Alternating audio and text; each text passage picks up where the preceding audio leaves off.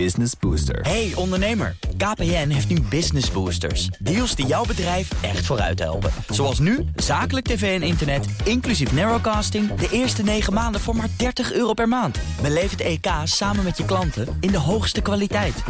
Kijk op kpn.com slash businessbooster. Business Booster. BNR's Big Five van het duurzaam bouwen wordt mede mogelijk gemaakt door Heijmans. Makers van een gezonde leefomgeving. BNR Nieuwsradio. The Big Five. Diana Matroos. Bestaande huizen verduurzamen, onze steden tegen water en hitte beschermen en ook nog eens bijna 1 miljoen extra woningen bouwen, terwijl de ruimte schaars is en onze natuur kwetsbaar. De bouwwereld en alle stakeholders die daarbij betrokken zijn, staan voor een monsterklus. En ik ben heel erg benieuwd hoe ze dat aanpakken, welke obstakels ze daarbij moeten overwinnen en hoe we nou straks met z'n allen wonen. En daarom ga ik deze week elke dag een uur lang de diepte in met vijf hoofdrolspelers in BNR's Big Five van het duurzaam bouwen. Vandaag doe ik dat met Silvo Thijssen, directeur van Staatsbosbeheer. Dat is de grootste grondbezitter van Nederland. En ze beheren 128 van de bekende 163 Natura 2000 gebieden. Silvo, welkom. Fijn dat je er bent. Dank je. En ik begrijp, uh, jouw naam is een directe verwijzing naar het bos ook, hè? Ja, mijn vader was een Wageningse bosbouwer. En uh, wij woonden destijds in het bos in Overijssel. En hij deed daar een vegetatiekartering voor loofbossen. En ja, inderdaad, afgeleid van het Latijnse woord silva, uh, is silvo, werd ik als oudste zoon met deze naam zeg maar, te, ben ik ter wereld gekomen. Ja, ja, En, en ook terechtgekomen waar je terechtgekomen bent. Want ik ga het straks natuurlijk met je hebben over uh, duurzaam bouwen en de groene metropool. Maar uh, voordat we dat gaan doen, wil ik eerst twee dingen van je weten. En uh, nou, het eerste dan misschien toch maar even bij het persoonlijke te blijven. Je was natuurlijk de CEO van ingenieursbureau Grondmei. Klopt. En dan die stap naar staatsbosbeheer. Is dat jouw vader die je ook zover heeft gekregen dat je die grote omslag hebt gemaakt? Nou, misschien onbe onbewust wel. Het, is, het, het, gaat natuurlijk altijd waar het, uh, het bloed kruipt, waar het niet, niet, niet, niet kan gaan. Nee, ik denk dat je het. Uh, je moet ook zo zien dat. Uh, Godmij was een, een, een cultuurmaatschappij. die heel veel aan ruilverkaveling en landrichting deed. En daar was Staatsbosbeheer ook wel vaak een van de opdrachtgevers. En mijn eigen opleiding is landschapsarchitectuur en bosbouw in Wageningen. Dus op zich, zeg maar vanuit het vakgebied. is er een hele duidelijke relatie tussen de beide organisaties. Alleen aan de ene kant ben je meer de opdrachtnemer bij Grondmei. Mm -hmm. En Staatsbosbeheer is meer de opdrachtgever. En ten aanzien van de complexiteit van managen van een beursgenoteerde onderneming, wat Grondmei uh, was. En de complexiteit van een toch een verzelfstandigde overheidsdienst die Staatsbosbeheer is. Daar zitten wel behoorlijke parallellen in. Even ja. afgezien van het internationale aspect natuurlijk. En dat is het tweede wat ik uh, wil weten. Want ik vond het een feest, zei ik net ook uh, tegen je in de voorbereiding. Want ik had zelf een heel ander beeld van uh, staatsbosbeheer. En ik denk dat veel mensen dat hebben als ze horen de Big Five van duurzaam bouwen en dan met staatsbosbeheer. Wat is de link tussen staatsbosbeheer en een onderwerp als woningbouw en de grote woningopgave die we hebben? Ja, er zijn eigenlijk uh, diverse linken. Hè. Dus Staatsbosbeheer is in 1899 opgericht, uh, eigenlijk om ja, te helpen zeg maar, de, de, woeste gronden te ontginnen in Nederland. En uh, daar waar heel veel erosie was, stuifzanden, is, is dat bebost met zeg maar, de bekende dennenbossen. En die dennen die waren ook bedoeld als stuthout voor de mijnen. Dus daar zat al een zeg maar, zekere bouwopgave in. Uh, daarnaast moet je bedenken dat heel veel nieuwe bossen en recreatiegebieden rondom de grote steden ontworpen en aangelegd zijn door Staatsbosbeheer. En in sommige gevallen zijn ze ook wel weer overgedragen aan recreatieschappen of aan gemeentes. Dus we hebben eigenlijk in de afgelopen eeuw, zeg maar in de eeuw mm -hmm. dat Nederland groeide van 4,5 miljoen inwoners naar de 18 miljoen die we nu hebben, hebben we altijd geprobeerd zeg maar, om Nederland te vergroenen uh, en de recreatie mogelijkheden te koppelen aan nou, zeg maar, de infrastructurele ontsluiting van die mm -hmm. gebieden. Want je moet er wel kunnen komen. En uh, het is ook zo dat heel veel uh, ondernemingen, met name op het vlak van recreatie en toerisme, uh, een plekje zoeken in de natuur of aan de randen van de natuur. Want je wilt toch je bungalow of je tent ja. kunnen opzetten. Ja. Dus, dus ook op die punten heb je met bouw en met, ja, ik zou zeggen, met infrastructurele activiteiten te maken. Waar we straks over gaan praten is dat jullie ook een, een, een, nou ja, een, een, een plek willen innemen in het bieden van uh, plekken om te bouwen. Hè, op bepaalde uh, locaties die uh, voor de recreatie en ecologische zin wat minder interessant zijn. Dus daar hebben jullie Correct. ook een rol. Maar laten we eerst even schetsen, gewoon ook even met jouw dromen over die groene metropool. want dat vind je ontzettend belangrijk. Waarom is dat zo ontzettend belangrijk en hoe zie je dat voor je? Ja, dat is, het is een onze visie op, op de toekomst van, van Nederland. En dan kun je de 2050 of, 2, of 2100 nemen. Mm -hmm. uh, maar als je de verschillende metropolen, en zeker delta-metropolen in de wereld vergelijkt. Een postzegel van 150 bij 150 kilometer, waar nou, pak een beetje 15 tot 20 miljoen mensen wonen. Dan je kijkt de satellietfoto's of je kijkt de luchtfoto's, dan je, valt uiteindelijk op dat Nederland een prachtige en haast perfecte groene metropool is. En de vraag is natuurlijk, uh, kunnen we dat zo houden en kunnen we dat B. Uh, Want het heeft heel erg ook met de verbinding te maken. Hè? Ja, de manier waarop verstedelijking, uh, landbouw, industrie, water uh, en, en, en groen hè, en, en recreatie zeg maar, ten opzichte van elkaar geordend zijn, die is uniek in de wereld. Hè. Er zijn ook heel veel zeg maar, wereldsteden die met ongelooflijke argusogen kijken naar de manier waarop Nederland zeg maar, is, is ontstaan. Ja. Want de helft ligt natuurlijk ook nog beneden de zeespiegel, ook dat is geconstrueerd. En de manier waarop we toch natuur en menselijke nou, ik zeg maar, landgebruiksvormen met elkaar hebben gecombineerd, die is absoluut uniek. En, en, en, ik hoor je zeggen, het is allemaal heel mooi, maar je hebt ook een heel duidelijke boodschap. Uh, wat we beter moeten doen. En dat is dat er veel minder afstand tot elkaar moet komen. Dus ja. er is, is ook nog een hele wereld te winnen. Waar nou ja. maak jij je zorgen over? Nou, waar ik me zorgen over maak, is dat de vier grote transities waarvoor we staan als, als, als land: ja. de, de, energietransitie, de klimaatopgave, het is, het is de Klimaatweek. Uh, de landbouwtransitie en natuurlijk het woningbouwvraagstuk, waar we dan straks wat verder over, zullen praten. Ja, dat, de, kunst is om in, in, nieuwe stad-landverhoudingen te komen. Hè. Dus op zich de scheiding tussen stad en land is, uh, zeg maar met 18 en straks doorgroeien naar 20 miljoen inwoners, is volgens ons niet meer strikt houdbaar. En je, dus je zult met een hoofdzakelijk stedelijke bevolking, met een cultureel-sociale beeld zeg maar, vanuit de stad. Moeten kijken hoe je dat kunt verenigen zeg maar, met belangen en beelden van het landelijk gebied. Dus dat is ook een heel belangrijk punt in die verbindingsopgave. Ja, en ik probeer te snappen wat dat dan concreet betekent. En ik vond heel erg mooi, ik zat een video te kijken uh, van jullie met een uh, zeer bevlogen uh, medewerker die zei van uiteindelijk moeten we iedereen in dat natuurgebied betrekken. Want er zijn kinderen die gewoon eigenlijk alleen maar thuis zitten. Ja. En nog nooit uh, met natuur in aanraking komen. En het heeft een enorme impact op de lange termijn. Dat klopt. Dat, we hebben onder andere bij de Engelse collega's onderzoek gezien. waarin de, de opa George, zeg maar, uh, een, een actieradius had van 8 kilometer. Hè, dat hij en ik moet zeggen, ik herinner me dat zelf ook nog wel, dat je zo ver kon en mocht fietsen. En dan dienstzoon, die mocht uh, nog maar uh, 750 of 1 kilometer van huis af. En de kleinkinderen, die zitten op 250 meter. Dus de manier waarop we de buitenruimte zeg maar, ontdekken, mm -hmm. hebben we natuurlijk ook wel heel erg uh, verkleind. Deels door zeg maar, de dichtigheid des geschehens. Dus er gebeurt gewoon heel veel meer. En het, niet alles is even veilig.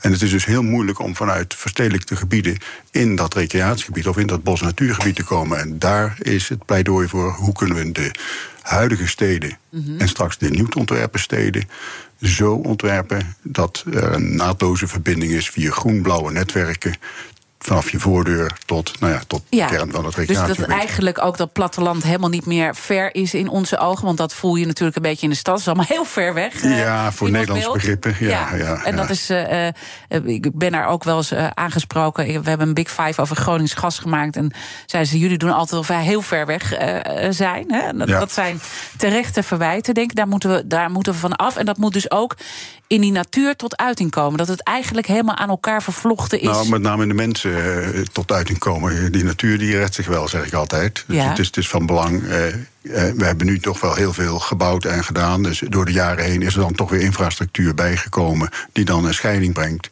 Dat je niet wandelend of fietsend vanuit je huis naar dat bos- en recreatiegebied kan gaan. Omdat er een snelweg of een andere wijk tussen gebouwd is. Mm -hmm. Dus er zijn veel fysieke barrières waardoor het niet meer mogelijk is om binnen 10 minuten of binnen een half uur zeg maar, gemakkelijk een rondje te maken ja. in, het, uh, in het buitengebied. En, en wat is dat in onze hoofden dat we dat dus blijkbaar uh, doen? Dat, dat die afstand uh, er is, ook ook als het gaat over nieuwe projecten die dus weer zo gebouwd worden dat je die verbinding Nou, niet dat, hebt. Dat, dat is ook de reden waarom we voor het schaalniveau de groene metropool voor Nederland kiezen. Dus we hebben op, op de afgelopen tientallen jaren toch veel besluiten eh, over de ruimtelijke ordening en over de ecologie, die hebben we gedecentraliseerd. En dat ligt natuurlijk toch echt bij gemeentes en bij provincies. En ja, de problematiek waar wij voor staan met de vier grote transities: de energie, klimaat, voedsel en, en, en de woningbouwopgave. Ja, daar moet je toch het een en ander in samenhang zien. Dus wij vinden het wel van belang dat je op nationaal niveau kijkt hoe je dus dit soort bereikbaarheidsvraagstukken, want daar hebben we het al net even over, hoe je die dan kunt oplossen. En dat gaat dus boven de gemeentegrenzen, gaat ook boven de provinciale grenzen. The Big Five. Diana Matroos.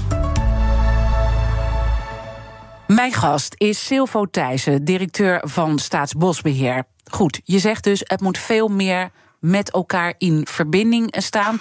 Niet alleen als het gaat over de natuur, maar eigenlijk ook in onze manier van denken. Daar zit een bepaalde afstand in ons hoofd. Ja, ik, ik moet zeggen, een van, uh, van onze collega's praat ook altijd over het antropoceen. Hè. Dus we zitten in een tijdperk waarin de mens eigenlijk de bepalende factor is over, uh, over natuur en over misschien de toekomst van de aarde. Nou, dat speelt natuurlijk zeker in deze week, zou ik zeggen, rondom het klimaat. Uh, ja, ik denk dat het heel belangrijk is dat we ons beseffen dat we op een kantelpunt staan.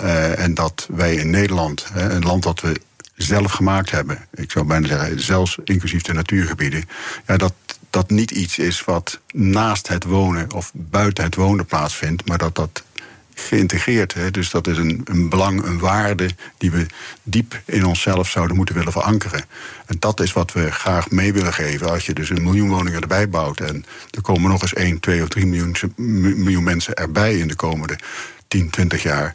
Ja, dat je toch eh, nou, zeg maar, het circulaire van de samenleving ook in het waarde- en normencomplex, dus in de manier hoe je denkt, voelt en spreekt over natuur, maar ook over wonen, dat natuur en wonen en bouwen en wonen Ja. en bouwen en natuur niet te ver uit elkaar liggen. Jij kan daar heel gepassioneerd over raken, omdat Ja. we dat heel sterk in Nederland sectoraal hebben georganiseerd. En dat hoor ik eigenlijk eh, alle gasten deze week wel zeggen. We zitten heel erg vast Ja. in het sectordenken. Ook de Klopt. Rijksbouwmeester zei dat we moeten veel meer met elkaar.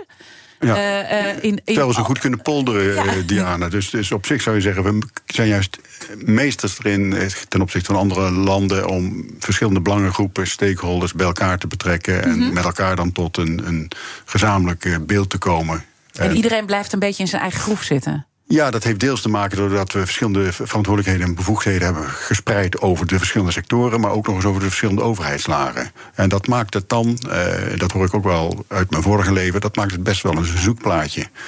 En dat leidt dan tot, nou in sommige gevallen tot suboptimale oplossingen, omdat je binnen je eigen administratieve grenzen of je eigen financiële huishouding wilt Nou ja, die financiële huishouding is ook een interessante. Want hoogleraar Andy van den Dommelsteen die zei: Ik zie heel veel zaken die het eh, proces afremmen. Sommige bedrijven gaan bijvoorbeeld het liefst nog even door op de oude winstgevende manier en vertragen het proces. Merk jij dat ook als je met eh, bouwbedrijven en projectontwikkelaars om tafel zit? Nou, die selecteren we eh, voor aan de poort, zou ik zeggen. Nee, je- je- we, hebben duurzaamheid natuurlijk heel hoog in het vaandel, vaandel staan. Hè. We zijn zelf als organisatie FSC gecertificeerd. Dat is een, eh, toch een, een zware duurzaamheidsproef, om het maar, maar zo te zeggen. Ja, en dus via je inkoop en, en wat je met, met alle partijen, leveranciers en, en aannemers, kijken we natuurlijk wel of zij eh, voldoen aan de Ja, duurzaamheidscertificaten. maar ik kijk ook nu even naar die hele grote opgave. Hè, eh, die 900.000 eh, woningen voor 2030. Waarvan iedereen eigenlijk zegt dat gaan we niet halen. Bouwend Nederland waarschuwt daar vanochtend ook over op deze het. zender. Het is onzeker dat het doel gehaald wordt vanwege het stikstofprobleem, geldgebrek, personeelstekorten. Ehm, ja, het, het piept en het, en het kraakt. Zit dat nou in eh, eh, te veel in je eigen groef blijven zitten? Of, of Nou ja, het is ook de consequentie, denk ik, van de, de, de, drukte en, de, en het, gebrek aan ruimte wat we hebben. Dus ja, het is een heel druk en dichtbevolkt land met eh, zeg maar hoge, hoog niveau van, van economische activiteiten die ruimte vergen en die we allemaal een plekje willen geven. En, en anderzijds, ja, ik, ik zou zeggen. Anderzijds is het maar goed ook dat het wat piept en kraakt. Want dit is ook wel weer het gevolg van de democratische opbouw van dit land. Dus daar waar ja, de een dit vindt en de ander dat vindt. En we hebben maar heel, veel, heel weinig ruimte. Dus ruimte is zo schaars dat je dus inderdaad eh, daardoor langer over doet. En mensen de rechtsmiddelen grijpen om iets tegen te houden. Terwijl anderen denken, ja, ik zou graag ja. liefst iets meer centrale macht hebben om uh, een, een, een aan, via een aanwijzingsbevoegdheid iets door te willen drukken. En merk je dat ook, dat het piept en kraakt in de samenleving, dat die ook anders. Ja, wij merken dat zelf ook als Staatsbosbeheer. We hebben natuurlijk uh, het Natura 2000 beleid. Dus er zijn een aantal gebieden in Nederland waar we aangegeven hebben dat die monotone dennenbossen moeten verdwijnen omdat we in Europa hebben afgesproken dat er eigenlijk uh, grijze duinverleien of uh, schalen, heide, graslanden zouden moeten komen. Dat is dan iets wat we hebben afgesproken met Europa. Mm -hmm. ja, dan ga je dus een, een, een, opstand grove dennen kappen. En dat ga je omvormen naar, dat heet dan, uh, ja, eufemistisch, omvormen naar een heideterrein. Nou, dat vergt nogal wat omgevingsmanagement, om het zo te zeggen. wat, wat, wat, wat, wat nou ja, mensen? Ja? Niet iedereen is het daarmee eens. Je kunt wel zeggen, je voldoet daarmee aan je, aan je biodiversiteitsdoelstellingen op Europees niveau. Beleidsmatig klopt het allemaal. Iedereen werkt daar mm -hmm. beleidsmatig ook aan mee. Echter, ja, de bevolking is natuurlijk toch wel gewend aan dat bos wat er al langs een. Hè, iedereen heeft daar altijd langs gelopen. En het hele leven was dat een onderdeel van de identiteit van jouw stukje. Van jouw woonomgeving. Ja. En dat haal je weg. Nou, dat zijn hele moeilijke en bijna niet te verenigen tegenstellingen je beleidsmatige en juridische juistheid versus zeg maar, ja. de emotionele interpretatie van de identiteit van die plek. En we, we leven nu uh, ja, ook in, in, in, tijden van heel veel polarisatie, die ook ja. uh, hele heftige uitwassen kunnen hebben. Hè? Uh, als het gaat hoe mensen ook worden bejegend, hoe worden jouw mensen bejegend? Nou, in, in dit soort situaties waar bomen gekapt worden of waar we moeten ingrijpen in de, in de populatie van, van wild, omdat dat wild te veel de jonge bosaanplant uh, opeet, bij wijze van spreken, en daarmee dus de biodiversiteit uh, teniet kan doen. Ja, dat zijn moeilijke dingen. Ik zeg altijd heel plat, uh, ja, als het gaat over beesten en bomen en boze burgers, dan hebben we onze boswachters het wel eens moeilijk. Dus dan worden ze toch wel heel onheus en in mijn ogen volstrekt onterecht, maar ja, on, bedreigd, bejegend. Wat, uh, wat absoluut verwerpelijk is. Maar het gebeurt helaas wel. En dat is echt de afgelopen vijf jaar is dat enorm toegenomen. Dus je ziet inderdaad die polarisatie in de samenleving. Ja, die strekt zich ook uit uh, tot uh, bos- en natuurgebieden. Ja. Helaas. En, en, hoe ver gaat dat met die bedreigingen? Ja, dat gaat.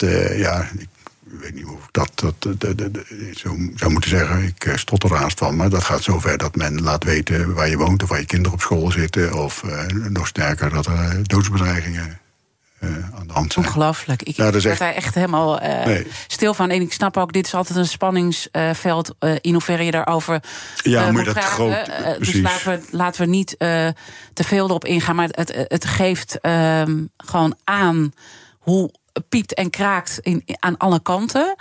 Uh, wat ik ook wel mooi vond om te zien, uh, is dat jullie ook zien dat er ook heel veel positieve.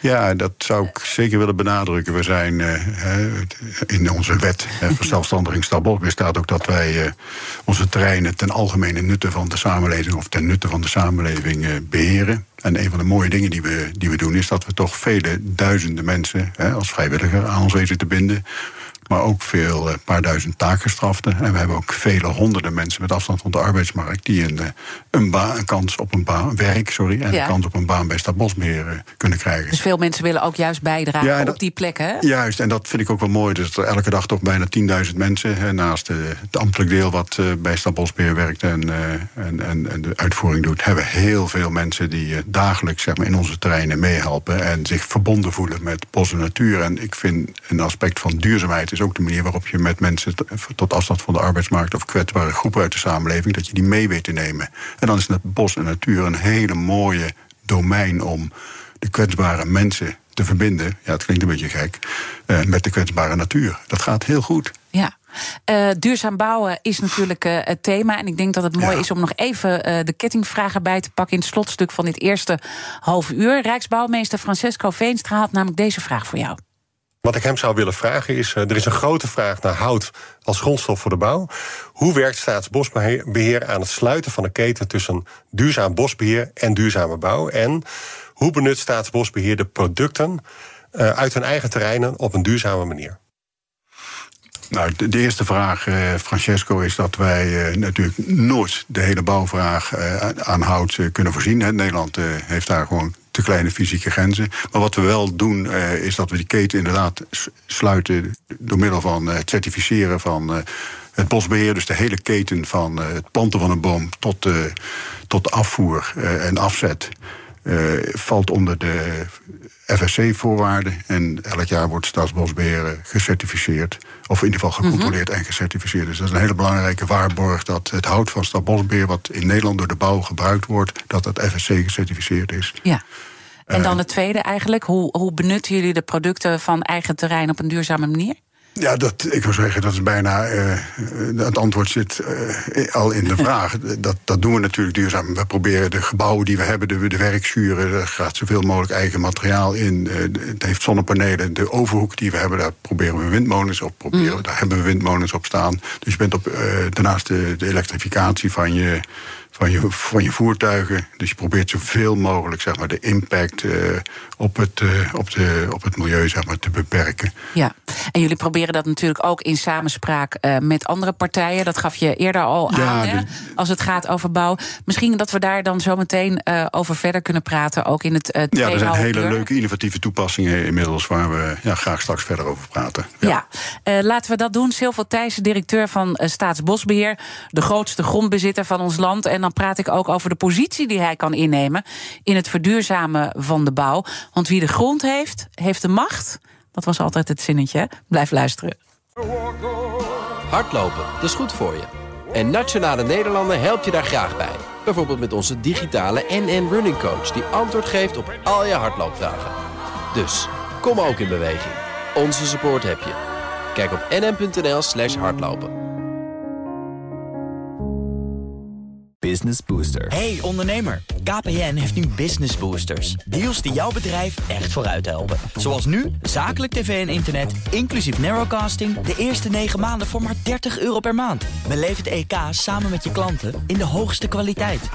Kijk op kpn.com slash businessbooster. Business Booster. BNR Nieuwsradio. The Big Five. Diana Matroos. Welkom bij tweede halfuur. Fijn dat je weer luistert. Deze week praat ik met vijf kopstukken uit de wereld van het duurzaam bouwen. Eerder deze week sprak ik met Martin van Rijn, voorzitter van EDES, de branchevereniging van woningcorporaties. En ik sprak met hem natuurlijk ook over het verduurzamen van corporatiewoningen.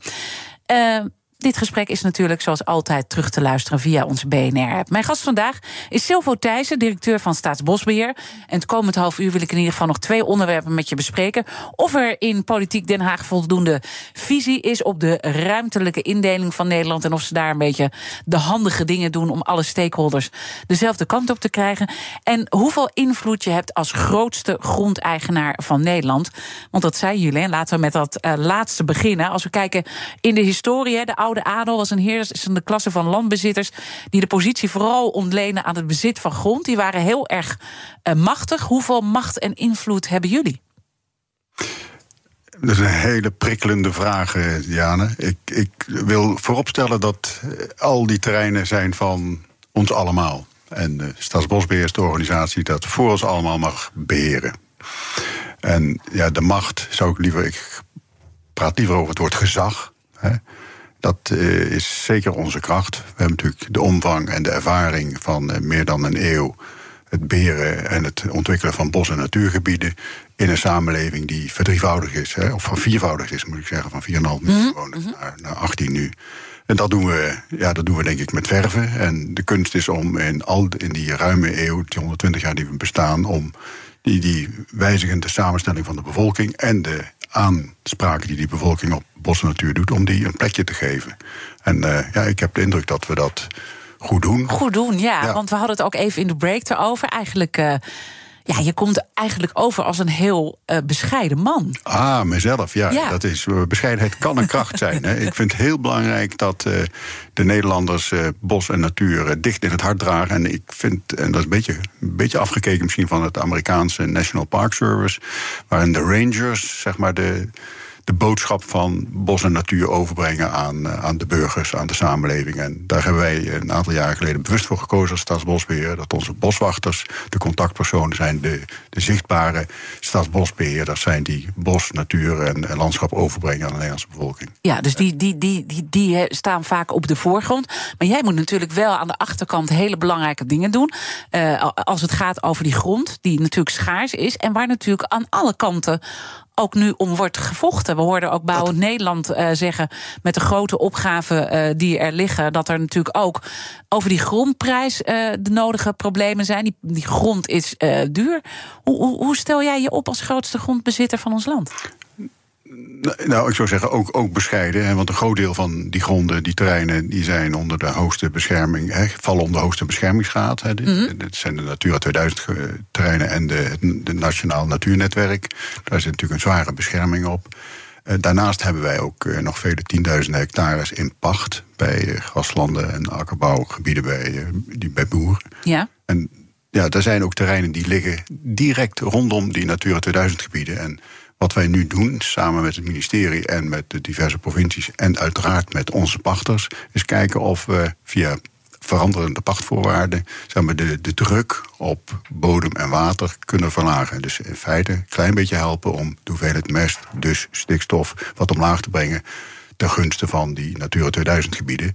En daarmee kun je misschien wat stikstofruimte creëren. Dat zijn langzame processen. Ja. Maar nogmaals, als je eigenaar bent van de grond, kun je voorwaarden stellen. Dat heet dan kwalitatieve voorwaarden uh, aan het landgebruik, wat in dit geval dan de boer doet. Maar Ja. dat geldt natuurlijk ook voor stedelijke uitbreidingen. Dus we hebben natuurlijk ook wel opvattingen over hoe je vanuit een ecologisch standpunt en vanuit een esthetisch, een landschapsarchitectonisch standpunt, ik zeg maar, bepaalde bossen en naturen kunt integreren in het stedenbouwkundig concept. En dat vinden wij buitengewoon interessant, dat bos, natuur en landschap van meet af aan in de planvorming wordt betrokken. En, en, en gebeurt dat een beetje goed? Want wij Ja, zien eh, toch wel dat er ook nog op plekken gebouwd wordt eh, waar, waar, waar dat niet eh, in het basisdenken Nou, wij, zit. wij, wij zijn wel heel blij dat minister De Jonge zeg maar, in zijn plan Mooi Nederland en, en daarnaast in een andere nota Groen groeit mee. Dat daar dus wel het denken, zoals wij dat eh, in de groene metropool noemen,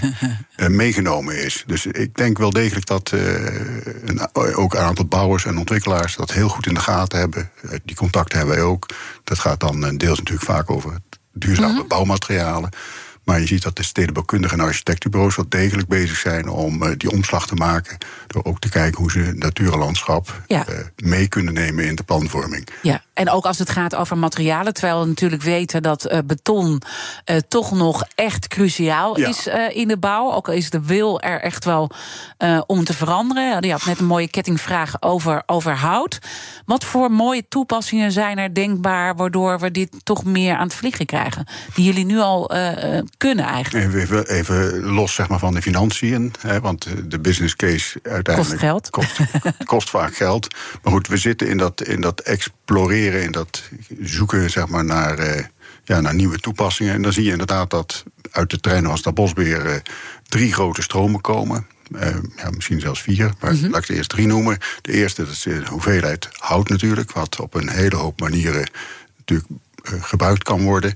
Maar wat belangrijk is dat we de laatste jaren hebben gezien dat we ook van minder kwaliteit hout, dunnere diameters of spaanders, dat we dat kunnen verlijmen. En dat daar dus een nieuwe structurerende kracht vanuit gaat. En dat, eh, ja, cross-laminated timber heet dat dan. Hè, dus eh, gelamineerd, eh, Ja. gelamineerd hout. Dat biedt toepassingen.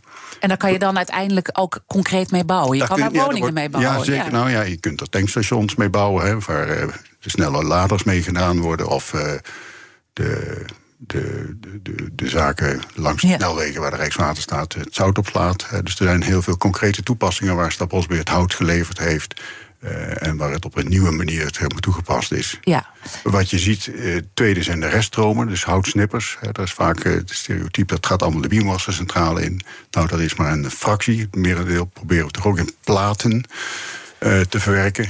OSB-platen, dus soort spaanplaatachtige constructies. Waar je dan in tegenstelling tot uh, vroeger geen lijm gebruikt, maar zetmeel gebruikt om het te verkleven. Het wordt even technisch.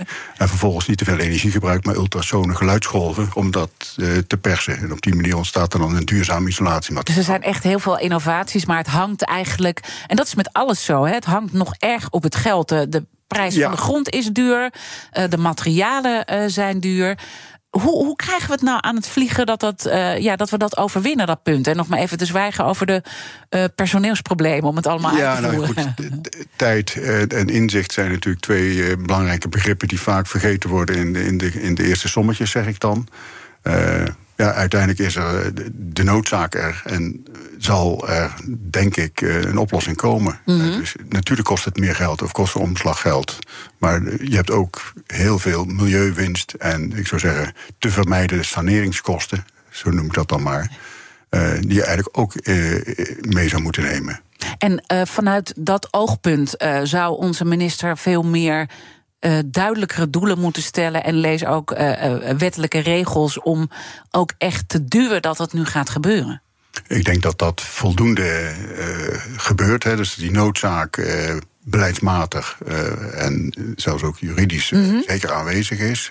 het belangrijkste is dat je het met elkaar moet doen. Dus dat de partijen die je nodig hebt om zowel van beleid naar beleidsrealisatie en van beleidsrealisatie naar uitvoering te gaan ja, dat je die erbij moet betrekken. En dat je daar ook uh, heel slim een, een, een handige uitvoeringsorganisatie op zet. En daar, en daar gaat hij mis eigenlijk? Nou, dat, dat stadium dat gaan we nu bereiken. Ik zie dat in dat Nationaal Programma Landelijk Gebied, maar ook in dat programma die versnelling uh, om die flexwoningen te bouwen bij, uh, bij BZK, dat daar hard aan gestudeerd wordt. Hoe krijg je dat voor elkaar? En het belangrijkste is dan om de provinciale en gemeentelijke belangen uh, goed mee te nemen in die, in die uitvoeringstrajecten. En de, ook de belangen van de boeren. Want misschien is het goed ja. om daar, daar heb je ook een heel duidelijk standpunt, neem je daarin. Uh, in, hoe je ook die boeren betrekt en hoe we dat tot nu toe hebben gedaan. Ja, dat vind ik inderdaad heel, heel belangrijk. Waarom? We hebben zo'n 45.000 hectare verpacht aan een kleine in, in 5.000 pachtcontracten bij 3.500 boeren. Dus dat zijn onze klanten, onze partners, die een belangrijk deel van nou, dat grote grondbezit mede beheren. Dus dat vind ik een heel belangrijk uitgangspunt. En dat doe je in dialoog met elkaar. Hè. Ze betalen een pachtwedde.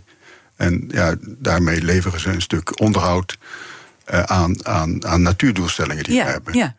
Als je dat wilt gaan veranderen en het is onderdeel van hun bedrijfssysteem, ja, dan moet je daar een gesprek over voeren. En dat is toch heel vervelend als je dan uh, of een kaartje ziet of je, je hoort een oekase ergens uh, ver weg van je vandaan.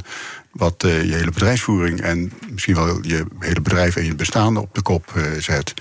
En dat vind ik wel van belang dat je deze groep heel goed meeneemt. Hardlopen, dat is goed voor je. En Nationale Nederlanden helpt je daar graag bij. Bijvoorbeeld met onze digitale NN Running Coach... die antwoord geeft op al je hardloopvragen. Dus, kom ook in beweging. Onze support heb je. Kijk op nn.nl slash hardlopen. Business Booster. Hey ondernemer, KPN heeft nu Business Boosters. Deals die jouw bedrijf echt vooruit helpen. Zoals nu, zakelijk tv en internet, inclusief narrowcasting... de eerste 9 maanden voor maar 30 euro per maand. Beleef het EK samen met je klanten in de hoogste kwaliteit. Kijk op kpn.com slash businessbooster. Business Booster. BNR Nieuwsradio. The Big Five. Diana Matroos. Je luistert naar BNR's Big Five van het duurzaam bouwen. Eerder deze week sprak ik met onze Rijksbouwmeester van Nederland, Francesco Veenstra, over de vraag wanneer het Rijksvastgoed klimaatneutraal is. Nou, ook dat was al een uh, flinke opgave. En hij vertelde ook dat we de woningopgave gewoon niet gaan redden, want ook daarover moet hij adviseren. Luister het gesprek terug via BNR en de bekende podcastkanalen. Mijn gast vandaag is Silvo Thijssen, de directeur van Staatsbosbeheer. Uh, morgen dan uh, sluit ik de week af met uh, Jacqueline uh, Kramer. Zij is natuurlijk uh, voormalig minister, bekend van het ministerie toen van Volkshuisvesting, Ruimtelijke Ordening en Milieubeheer. Nou, het woordje milieubeheer is er nu vanaf gevallen. Ik ben heel benieuwd hoe ze daarnaar kijkt. Tegenwoordig is ze hoogleraar duurzaam innoveren aan de Universiteit Utrecht en heel belangrijk voorzitter van het Betonakkoord en het Bouwakkoord Staal. Eh, wat zou je haar willen vragen, Silva? Want de kettingvraag gaat natuurlijk door. Ja, zeker. Nee, dank je voor de, voor, voor de vraag. En ik heb, uh, ik denk een jaar of 15 geleden, een mooie lezing van, van Jacqueline gehoord.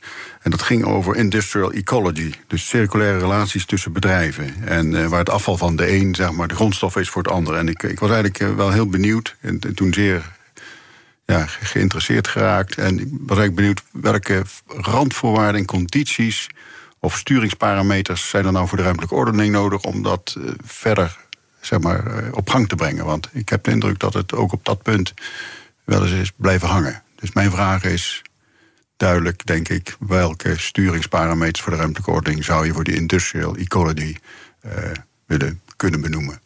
Dat gaan we, eh, ga ik zeker aan haar vragen. Morgen een hele mooie uh, vraag.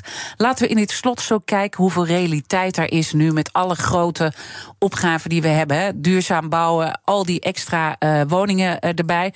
Er, zijn, er gewoon heel veel hectare grond nodig hè, voor die 900.000 woningen. Maar ook voor landbouw, voor natuur, voor water, voor wind- en zonneparken, voor infrastructuur. En de Volkskrant heeft die claims een keertje bij elkaar opgeteld. Is het land te klein? Ja, het land is te klein. Ze zeggen: wil je alles realiseren, dan heb je 230 tot ruim 850.000. Nou, daar zit trouwens een enorme marge in. Uh, lees ik nu hectare vrij land nodig. Wat moeten we inleveren? Want het is gewoon niet reëel wat we allemaal willen. Nou, ik denk dat Johan Remkes dat goed gezegd heeft. niet alles kan overal, hè? niet alles kan. Ja, en wat kan er wel, is, dat geeft wel aan dat we moeten kiezen. En daarom is het ook zo belangrijk dat die verbinding en de notie en het inzicht, zeg maar, wat is de duurzame samenleving? Wat is die groene metropool? Hè? Hoe willen we, eh, willen we leven? En welke rol speelt in mijn ogen dan landschap als vestigingsvoorwaarde voor de langere termijn? En dan zul je op het vlak van uh, energie- en waterbeheersing uh, een, zware keuzes moeten maken. Omdat dat gewoon het voortbestaan van het land wel of niet bepaalt. Stel, die zeespiegel gaat toch twee, drie. Ja, en dan bouwen we toch weer op plekken uh, waar, waar, dat ja, een probleem is. Ja, en ik ja. ben niet. maar goed, je krijgt wel eens een droom dat je denkt: van God, hadden we het niet beter hè, in de Zuidplaspolder? Waarom moeten we daar bouwen? Of hadden we het niet beter op de Veluwe boven Apeldoorn kunnen bouwen? Of dat, dat soort vraagstukken. Daar zou je toch uiteindelijk een antwoord op moeten durven geven. Maar goed, prioriteren, dus een keuzes maken waar wel en wat niet. Uh, Stad-Bosbeheer kijkt uh, op dit moment naar haar terreinen en ziet uh, met een paar duizend boeren die bij ons pachter zijn, waar kunnen we wat en waar kunnen we niet iets. Nederland ja. moet niet op slot. Mm -hmm. Ik ga nu even naar dat stikstofvraagstuk voor een deel toe. er zijn natuurlijk kleigebieden, zandgebieden, veengebieden. En die zijn allemaal meer of minder gevoelig voor de stikstofuitstoot. En wij vinden dat het heel belangrijk is om een opening te bieden, te creëren, samen met provincies, boeren en gemeentes en uiteraard het Rijk, om ja, zeg maar, de meest gevoelige, met name zandgebieden, om daar zeg maar, te kijken of je met boeren tot een wijziging van de bedrijfsvoering kan komen. Of in sommige ja. gevallen tot een verplaatsing. Uh, dus dat is eigenlijk de manier waarop wij. En wat is kijken. daar dan voor nodig? Wat, wat, wat, moet er echt? Want zo begonnen we de uitzending. Hè? We moeten niet alleen uh, uh, nou ja, geografisch te veel denken in afstand, maar ook in ons hoofd moet die afstand eruit. Ja, nou, in, in dit geval gaat het hè, om, ja, ik zeg maar heel plat, om ondernemers, agrariërs die bij ons vele hectares pachten, zeg maar even plat gezegd huren. En uh, wij merken dat er een groot aantal heel bereid is om de bedrijfsvoering aan te passen. Dus met minder mest, met minder pesticiden, met dus ook minder ja. stikstofuitstoot willen werken. Ook omdat ze kunnen, nou, zeg maar, een, een, een, beroep kunnen doen op het feit dat wij terreinen willen samenvoegen. Dus dat daarmee uh, het deel extensief, het mm -hmm. extensieve deel van het bedrijf groter wordt met de vermindering van de kosten die ze maken, dat er dan toch een, een bedrijfsresultaat uitkomt waar, waarmee je een boterham kunt verdienen. Ja, dus het kan gewoon wel. Het kan wel als ja, je gewoon kan uh, level playing field uh, hebt. Ja, maar het kan natuurlijk niet overal. Mm -hmm. Dus je moet keuzes maken waar dat kan. En je zult ook de bereidheid moeten hebben, dat geldt voor Stadbosbeheer ook, als terreinbeheerder dan ook om, om ruimte te bieden. He, dus dat je dus pachters die dat niet willen en dus op de oude manier Door doorgaan ja, dan moet je daar ook afscheid van uh, durven nemen. En dat doen jullie ook? En dat gebeurt ook. We ja. zien uh, dat het aantal pachters in de loop der jaren minder wordt. Uh, überhaupt mm. het aantal boerenbedrijven neemt af. Deels worden ze groter. Maar wij vinden ook dat het aantal ecologisch of natuurinclusieve boeren ook moet toenemen. En daar werken we hard aan. Zou je ons tot slot, uh, we hebben nog uh, 2,5 minuten staan, ons eens kunnen meenemen in een gebied waar echt gewoon dat ideale plaatje wat jij schetst, echt goed tot uiting komt. En waar dus extra woningen ook gebouwd kunnen worden. En, en die, die, die verbinding tussen de natuur en het wonen echt ideaal tot stand komt. Nou, we hebben, we hebben uit de historie zeg maar een mooi voorbeeld. Dat is het Haagse Bos, zou ik zeggen. Klinkt een beetje raar. We hebben in Breda het Maasbos en we hebben in de, in de Bos de Bossenbroek. Maar terreinen die dicht tegen de stadcentra of in de stad, stadcentra liggen. Maar we zijn ook bezig met Almere, met Purmerend, met Lelystad. Waarin we eh, eh, zeg maar de, de woninguitbreiding accommoderen in een groenstructuur. Dus daar gaat het gelijk in op. En uh, daar is Purmerend een mooi voorbeeld van... waarin we bestaand bosgebied zouden kunnen herontwikkelen... Voor, voor 5000 woningen. Maar waar we dan ook de afspraak met ontwikkelaars hebben... dan komt er wel een factor 3 nieuw bos bij. Dus op die manier probeer je een trade-off te maken zodat uh, het groen niet uh, stiefmoedelijk behandeld wordt. En wat voor effect heeft dat op mensen uiteindelijk? Ja, je zit nu in de, in de planfase. Uh, uiteindelijk hoop ik dat mensen gezonder, gelukkiger, blijer worden en wat dat betreft ook op een andere manier zich verhouden tot de natuur. En daarmee in, indirect bijdragen aan, aan, het, aan de circulaire samenleving. Wat is het geluk van de natuur voor jou? Voor mij is het, uh, ja, ik, ik, sluit meestal af met. Oh, en overigens ben ik van mening uh, dat er meer bomen geplant moeten worden. Dus ik zou het wel prachtig vinden als we in staat zijn om uh, een deel van het CO2-vraagstuk met meer bomen te kunnen beantwoorden. En kan dat niet?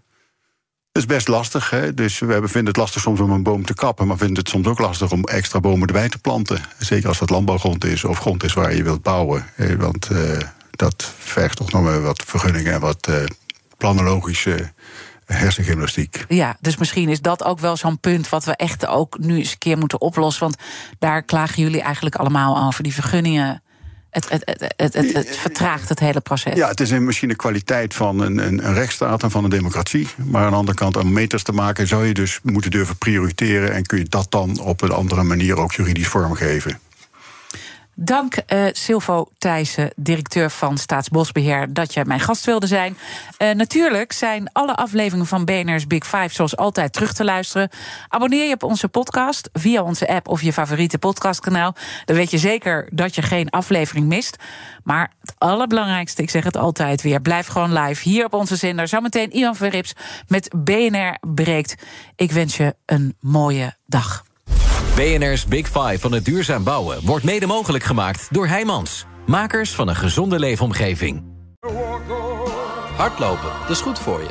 En Nationale Nederlanden helpt je daar graag bij. Bijvoorbeeld met onze digitale NN Running Coach... die antwoord geeft op al je hardloopvragen. Dus, kom ook in beweging. Onze support heb je. Kijk op nn.nl slash hardlopen.